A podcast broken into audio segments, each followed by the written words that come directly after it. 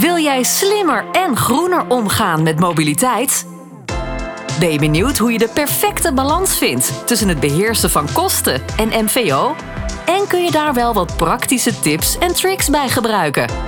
Samen met mobiliteitsprofessionals bespreken presentator Volker Tempelman en consultants Elske van der Vliert en Arjos Bot de laatste ontwikkelingen en trends binnen de zakelijke mobiliteit. Welkom bij de Mobiliteitsprofessionals. Deel 76 van de Mobiliteitsprofessionals. Elske en Arjos, welkom. Dankjewel, Volker. Dankjewel, Volkert. Ons onderwerp vandaag is mobiliteitsontwikkelingen. Wat bracht 2022 ons en wat staat ons te wachten in de toekomst? Daar praten we over met onze gast Damiaan Hagen. Hij is hoofdredacteur van Autoweek. Welkom Damiaan, goed dat je erbij bent. Hi, dankjewel. Nu heb ik de hoofdredacteur van Autoweek in mijn podcast. Dan wil ik echt weten, wat voor auto rij jij Damiaan? Ja, dat is eh, denk ik de meest gestelde vraag. Dat eh, dacht ik al.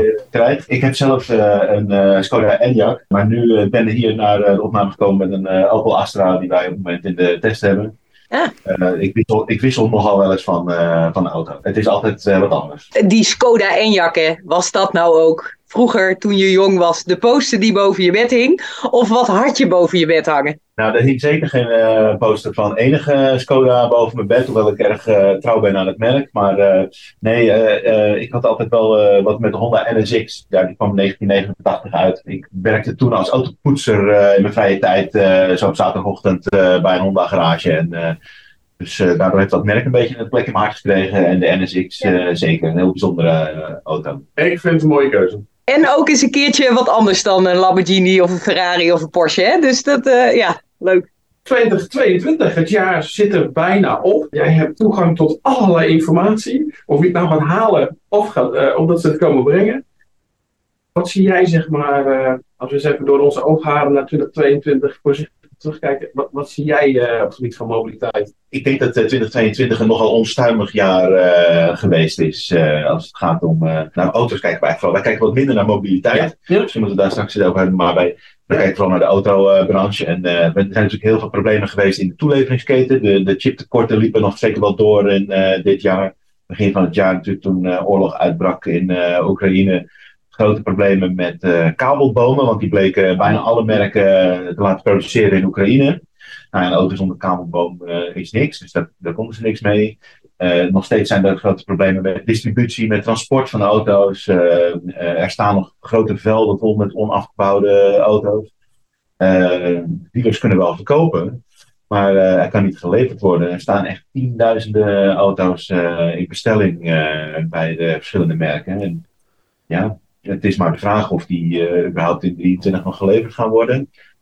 Dat, eh, ja, dat ziet een beetje, een beetje somber eh, ziet dat eruit uh, eigenlijk. Maar, dus ja, aan het eind van het jaar zullen de aantallen niet, de verkoopaantallen zullen, niet, zullen geen record zijn in ieder geval. Nou, niet in positieve zin. Niet in positieve Ik weet zin, niet of het negatieve zin een record kan worden, maar het is niet. Nee. We moeten lang terug, volgens Ja. mij moeten we naar de jaren 60 ongeveer terug om deze aantallen te zien. Ja. Dus, eh, ja, dus in die zin is het echt een beetje somber. Waren er nou merken die daar geen last van hadden? Of die het anders organiseerden, waardoor het ja, anders was? Nou, het, het, waar het heel veel mee te maken heeft, is dat met name elektrische auto's heel veel eh, eh, problemen hadden met, eh, Ja. met levering. Dus Ja. eh, eh, de meeste merken konden hun benzineauto's eh, nog wel vrij, vrij gemakkelijk eh, leveren. Eh, maar zodra je een auto moet hebben met batterijpakketten, of waar, ja, er zit ook veel meer eh, eh, microchips in natuurlijk. Ja, ja. En eh, dat, dat gaf echt wel eh, meer problemen. Maar de Koreaanse merken die konden over het algemeen makkelijker leveren, bijvoorbeeld weer dan de Europese merken. Ja. Maar ook dat eh, gaat altijd een beetje in golven, zeg maar. Dus die- dan komt er een boot, zullen we zeggen, en dan eh, Mhm. zijn er in één Ja, keer heel veel Kia's EV6 beschikbaar. en eh, dat zie je dan ook meteen terug in Ja. de maandstatistieken. En het feit dat. Kijk, wij zijn natuurlijk in Nederland op wereldschaal een klein land. Maar wij zijn wel echt duidelijk van, de diesel, van een dieselland naar een niet-dieselland gegaan. He- he- heeft dat nog ergens invloed gehad? Of zijn wij daar gewoon te klein voor? Eh, dat heeft denk ik op wereldschaal geen enkele invloed eh, gehad. Hè, je merkt het hier wel dat eh, inderdaad er wordt vrijwel geen dieselauto meer eh, verkocht. Ik geloof dat het nog maar 4, 5 procent een beetje is van de nieuwe verkoop is een dieselauto. De gemiddelde prijs van een dieselauto trouwens ook is, gaat richting de 65.000 euro. Dus dat is natuurlijk eh, voor de meeste mensen eh, ligt dat buiten, Ja. buiten bereik. En uh, uh, we zien wel dat er bijvoorbeeld in de, in de tweedehands uh, branche, in de occasionhandel, nog wel heel veel met diesels gehandeld wordt. En, en, misschien in de steden willen de mensen wel van hun dieselauto af, maar buiten de steden, buiten de Randstad, wordt er nog heel mhm. veel en graag diesel gereden. Ja. Als we even inzoomen op de zakelijke markt, bij ons, minder dan 1% is ja. nog een diesel. Ja. Dat is nieuw gesteld. Ja, dus, dus dat is gewoon niks. Dus echt, het bestaat niet meer. Ik denk dat er misschien meer auto's op aardgas inmiddels uh, verkocht worden dan uh, diesel zo ongeveer. En aardgas dat wil ook niemand. Luister naar de mobiliteitsprofessionals. En hoor van mobiliteitsprofessionals de laatste ontwikkelingen en trends binnen de zakelijke mobiliteit. De vraag die ik heb heeft hier wel mee te maken. Want je ziet hè, werkgevers en overheid, eh, CO2-reductie, veel belangrijker. We zijn ook intrinsiek gemotiveerd om, uh, om daarmee aan de slag te gaan. Uh, autofabrikanten krijgen eisen opgelegd. Maar zie je nou ook echt dat die autofabrikanten daar zelf wat in willen doen? Ja, ik denk dat van bijna alle branches in de wereld de auto-industrie eigenlijk wel heel hard uh, aan het werk is om uh, te vergroenen in allerlei opzichten. Omdat nou, een autofabrikant moet heel ver vooruit denken en werken. Hè? Dus ja, auto's die over tien jaar op de markt komen, en zeker als het zo ingrijpend is als dat je al je aandrijflijnen gaat veranderen, ja, dat zijn beslissingen die nemen voor de hele lange termijn. Dus die fabrikanten die hebben gewoon allemaal in een agenda een datum staan. Vanaf, vanaf dat moment produceren we alleen nog maar elektrische auto's bijvoorbeeld. En ze worden natuurlijk ook uh, allemaal uh, onder een vergrootglas gelegd als het gaat om van ja, maar waar, kom je, komen al die materialen dan vandaan die je gebruikt in die batterijen? En uh, is, dat, is dat allemaal wel, wel, wel kosher? En ja, dus die fabrikanten zijn daar, zijn daar heel serieus mee bezig. allemaal stuk voor stuk. En dan is de vraag nog wel een beetje, zijn ze zelf intrinsiek gemotiveerd of doen ze het omdat het moet, zeg maar? daar heb ik mijn vinger nog niet helemaal achter. Nee, dat, verschilt waarschijnlijk ook van merk tot merk. Dat, vind ik, uh, dat is een goede vraag. Ik denk dat die inderdaad van merk tot merk anders is. Uh, ik denk uiteindelijk dat de beweging naar uh, elektrificatie van alle modellen, dat die nooit uit de autofabrikanten zelf gekomen zou zijn. Nooit. Ja. Ja. want dat, ja, dat vraagt om zoveel grote miljarden investeringen. Ja, het zijn natuurlijk ook maar gewoon bedrijven. Als je het niet moet doen, dan, ja dan mag je daar liever even mee, eh, of dan laat je het aan een ander over. En, uh, daarom zie je ook bijvoorbeeld dat in Duitsland is het best wel lang uh, tegengehouden. En uh, nou goed, die gaan dan nu wel om. Of om, ja, die gaan in ieder geval nu die kant ook op.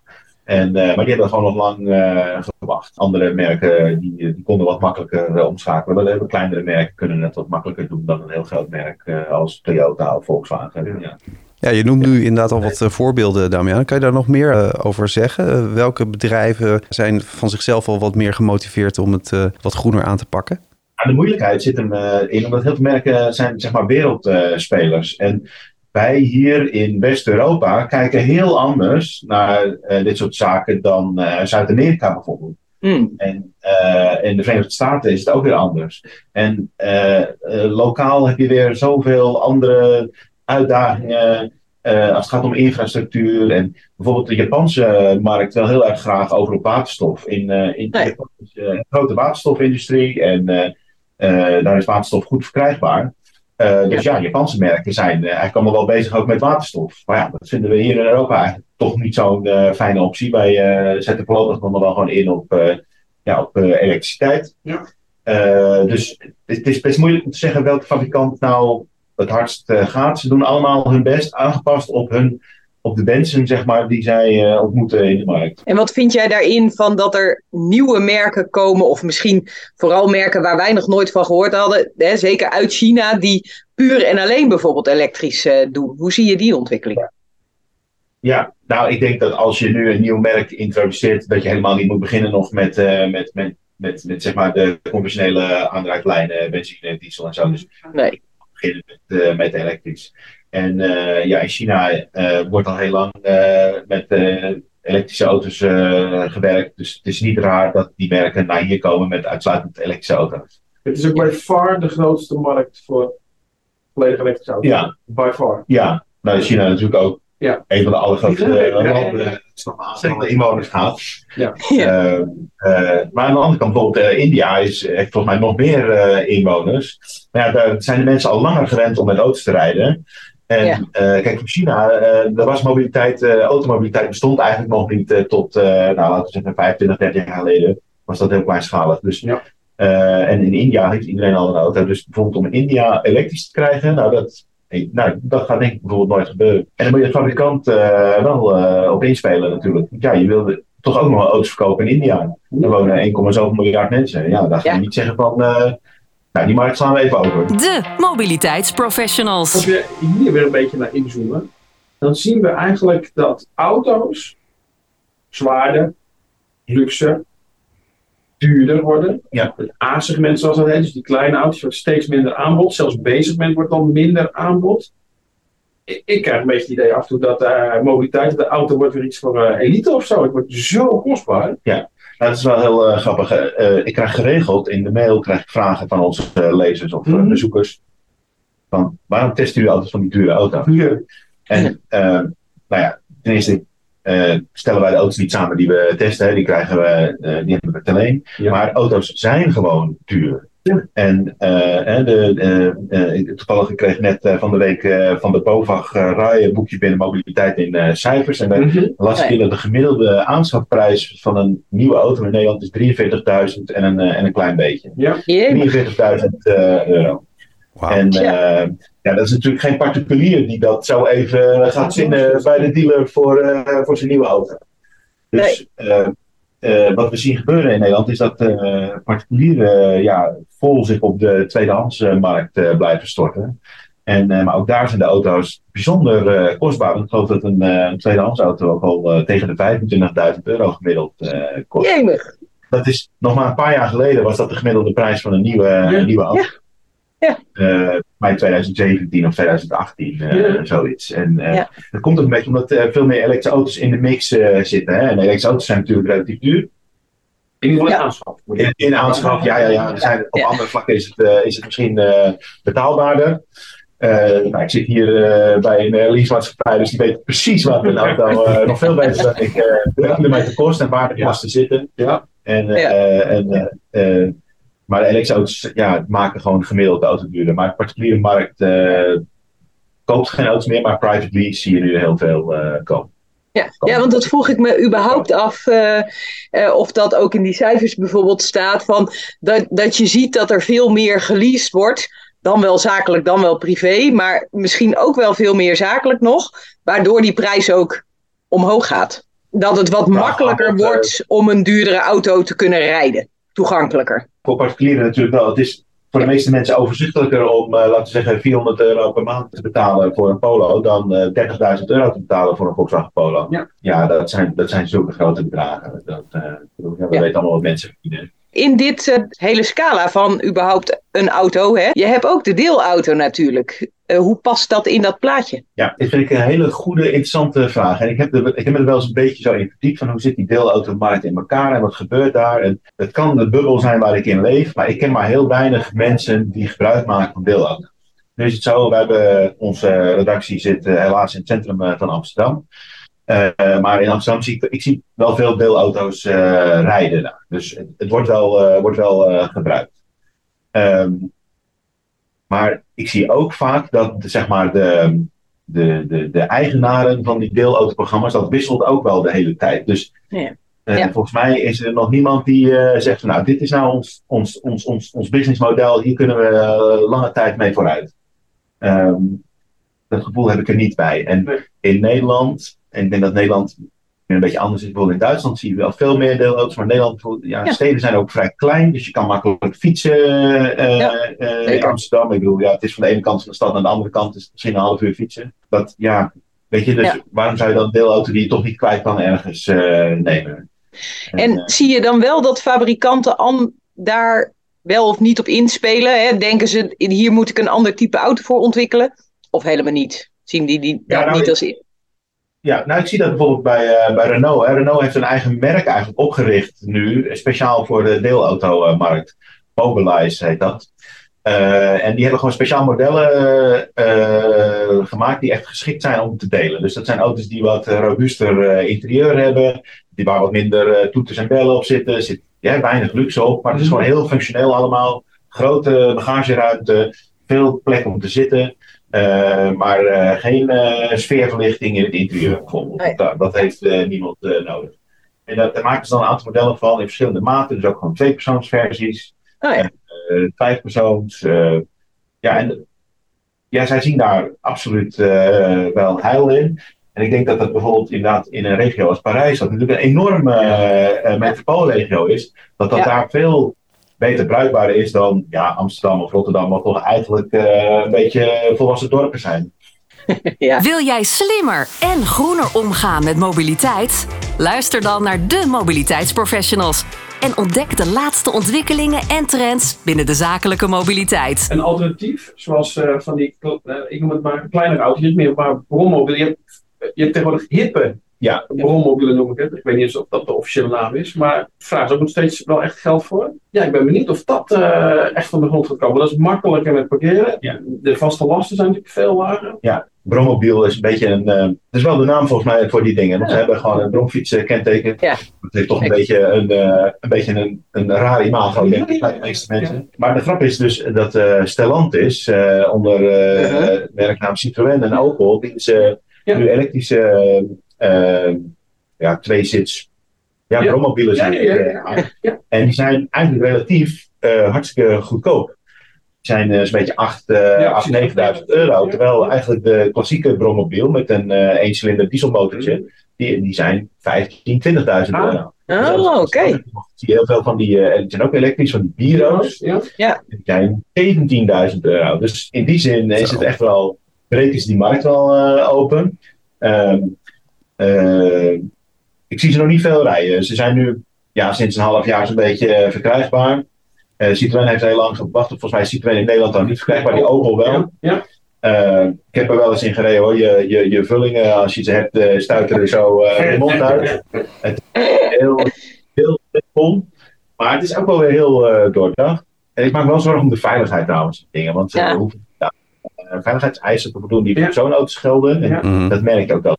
Simpel. Ja, ja. eh, Ja, dus je kunt aan de ene kant kun je zeggen, terecht punt denk ik hoor, hoe zit het met veiligheid? Aan de andere kant opent het ook weer mobiliteit voor een bepaalde Ja. doelgroep waarvoor die mobiliteit niet bereikbaar was. Ja. Dat vind ik weer heel mooi eigenlijk eraan. Ja.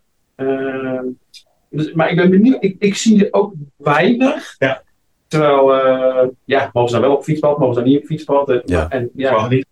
Ja, maar, maar, maar dus, ja, ik ben toch benieuwd eh, of dat door gaat zetten, ja of nee. Als je het hebt over kosten, autorijden is duur en gaat meer kosten, dan is dit een, een alternatief ook. Nou, we gaan het zien. Ja, we gaan, we gaan het zien. En eh, kijk, die prijs, ik bedoel, een elektrische fiets is ook niet heel goedkoop. Nee. Eh, dus ten opzichte van een elektrische fiets is de prijs nog, nou, is nog wel te, te overzien. Ja, ik wil niet zeggen dat een elektrische fiets ook 7000 euro kost, maar een beetje e-bike kost ook zo 2.500 En een euro. Ja, Ja. speedpedelec, ja. Ja, Die ook zo hard gaat. Ja, inderdaad. Ja, ja, en dan zit je toch mooi droog. Ja, Exact. Maar zo'n auto en een elektrische auto in zijn algemeenheid, daar wordt natuurlijk door de petrolheads over geklaagd. Want eh, ja, het gaat snel eh, van zijn plek. Ja. Over het algemeen. Maar eh, emotie eh, en geluid eh, is emotie, is allemaal niet te vinden. Ja. En, en goed, mensen die Autoweek lezen, hebben natuurlijk al, zitten al in een bepaalde hoekje misschien. Ja. Een hele grote hoek. Ja. Met liefhebbers misschien, of Ja. mensen die erin geïnteresseerd zijn. Maar Ja. is dat een bedrijf? Hoe, zie, hoe kijken jullie daar naar? Nou, dat is eigenlijk, daar, zit, daar zit een hele bijzondere ontwikkeling zit daar, in. Ehm, wij maken natuurlijk bladen Ja. en wij maken websites. Ja. En de lezers van ons weekblad, de Autoweek, die klagen al vrij snel van jullie schrijven veel te veel over elektrische auto's. Oh ja. En dan kan het een beetje minder en, eh, eh, nou, en al heel snel gaat het van jullie lopen aan de hand van, eh, van Rutte mee. En, eh, weet je, Oh ja, ja, ja. ontspoort heel snel eh, zo'n eh, zo'n gesprek. Maar online eh, zien we, op de site zien we dat mensen het weer helemaal eh, gewoon geen genoeg krijgen van eh, berichten over eh, elektrische auto's. Ah, Ontzettend goed gelezen. En eh, dat is toch een beetje een ander publiek, eh, merk ik. En daar zal een beetje een leeftijdsverschil in zitten. De, de, de tijdschriftlezer is gemiddeld eh, toch iets ouder. We denken, we denken, daar hebben we geen, ik heb er geen Mhm. wetenschappelijk bewijs voor, maar dat hij iets meer zeg maar, de auto zelf bezit. En dat we online iets meer de mensen, de, zeg maar, de leaserijder vinden. ja, ja. Dus maar goed, voor de petrolhead is het inderdaad, soms gaat het een beetje te snel in de, in de wereld met de ontwikkelingen. En laten we eerlijk zijn, als liefhebber, ik kan ook gewoon ontzettend genieten van een auto met een benzinemotor. En weet je, dat, het, het geeft een bepaalde sensatie, een Mhm. bepaalde beleving mee aan een auto. Je kan een elektrische auto, hoe tof ze soms ook zijn, kan die gewoon niet meegeven. Dat gaat gewoon niet gebeuren. Maar ja, de wereld ontwikkelt zich nou eenmaal uh, die kant op. Dus uh, we gaan dat niet ontkennen of wat dan ook. We luisteren natuurlijk wel naar ons publiek. Dus we zorgen wel altijd gewoon voor een balans en voor een mix in het, magazine. Zodat iedereen wel vindt wat hij uh, wat wat wil weten. We gaan het niet uh, lopen ontkennen.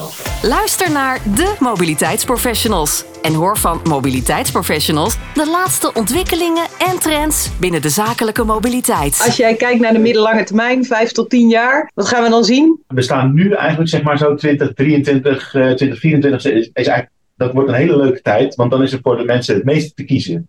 Ja. En nu zijn nog uh, uh, alle, alle auto's nog wel met benzinemotor uh, te krijgen. Er is gewoon al heel veel keuze in elektrische modellen. Dus je kunt ja, hè, bijna, met, nou, bijna met elk budget kun je alle kanten op. En die, die, die, die, die, keuzemogelijkheid die zal echt minder gaan worden in de komende, de komende jaren.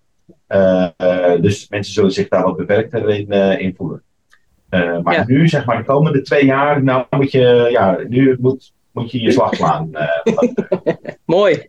Elske, ben jij het daarmee eens met die visie? Nou, ik denk inderdaad dat het, uh, hoe langer we vooruitkijken, hoe minder opties we gaan hebben. Omdat het beleid vanuit Europa, maar in het algemeen, en dat ook Amerika en Japan, hè, die sluiten zich daarbij aan, dat, dat, dat het gewoon minder wordt. En, en dat de autofabrikanten zich ook niet meer financieel kunnen permitteren om dat brede aanbod te houden. Want Hmm. ja, dan moet, je, dan moet je inefficiënt produceren. Dus dat het uiteindelijk wel maar één kant op gaat. En, en dan één kant is nog wel elektrische en waterstof, zie ik, uh, zeker als je het wereldwijd bekijkt, allebei opties voor. Maar ja, dan.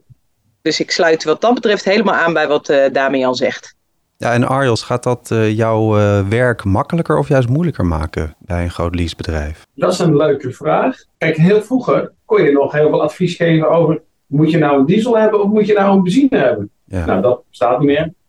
nu is het nog van, ja, uh, is elektrisch wel de enige eh, oplossing? Nou, ook niet.